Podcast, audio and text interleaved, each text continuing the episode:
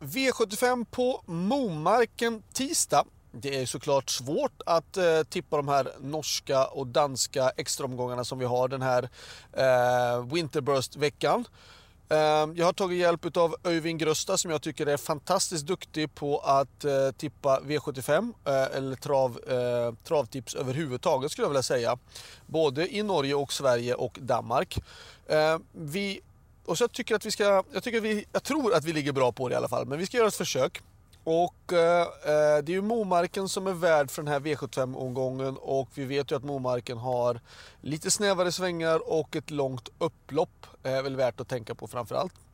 Eh, första V75-avdelning är ju ett vanligt eh, 2140 meter voltstartslopp och eh, jag tycker nummer ett Dandelion Bonanza och nummer 6 ID Excellent är de som är mest intressanta på start.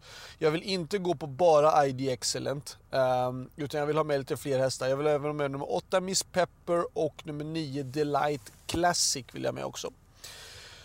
V75 2, då spikar vi nummer 9 Tordenskold, heter den väl? Tordenskold. Eh, och eh, ja, väldigt hårt betrodd. Vidar Hop eh, upp på en Frode Hamre-tränad kallblod.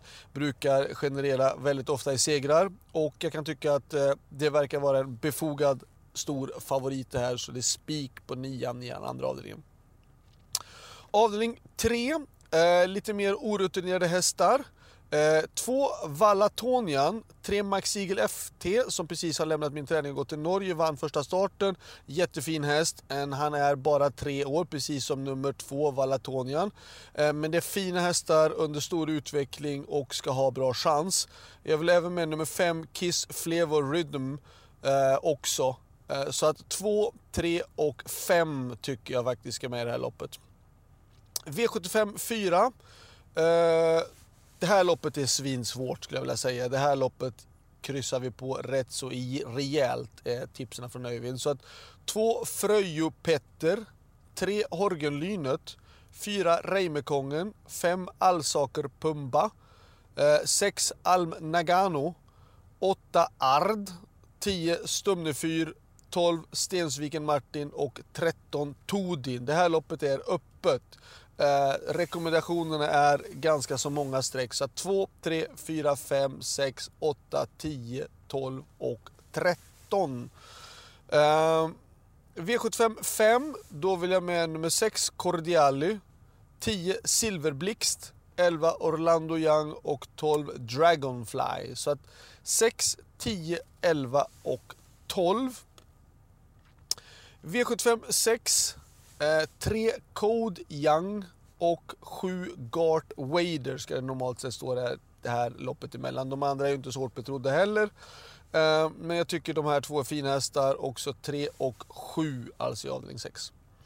Avdelning 7, eh, vi måste hitta en spik eh, och jag har valt att spika nummer 5 Giant Laser faktiskt, har jag fått order om.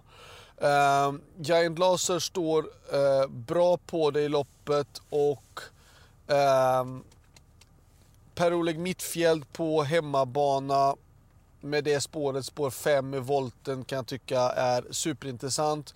Hästen ska tävla barfota runt om och jag tycker att, ehm, eller jag tror rent ut sagt att det kommer att vara svårt att hämta Eh, 20, 40 och 60 meter i det här loppet. Visserligen en sån som Hennessy Am är en jättefin häst. Eh, men att han ska hämta 60 meter på de här hästarna framme tror jag kommer vara svårt. Så att spik på nummer 5, Giant Laser i den sjunde avdelningen. Ehm, slutsummering, ja. Bästa spiken ska ju då vara i kallblodsloppet då i avdelning 2, nummer 9. I övrigt så har jag inte så mycket skrällvarningar. Visserligen så är den här min spik i den sista avdelningen då. Uh, nummer 5 Giant Laser inte alls mycket sträckad just nu och ja, det kanske kan vara skrällvarning på så sätt då. Men det var allt. Lycka till så hörs vi igen. Ha det bra. Hej då!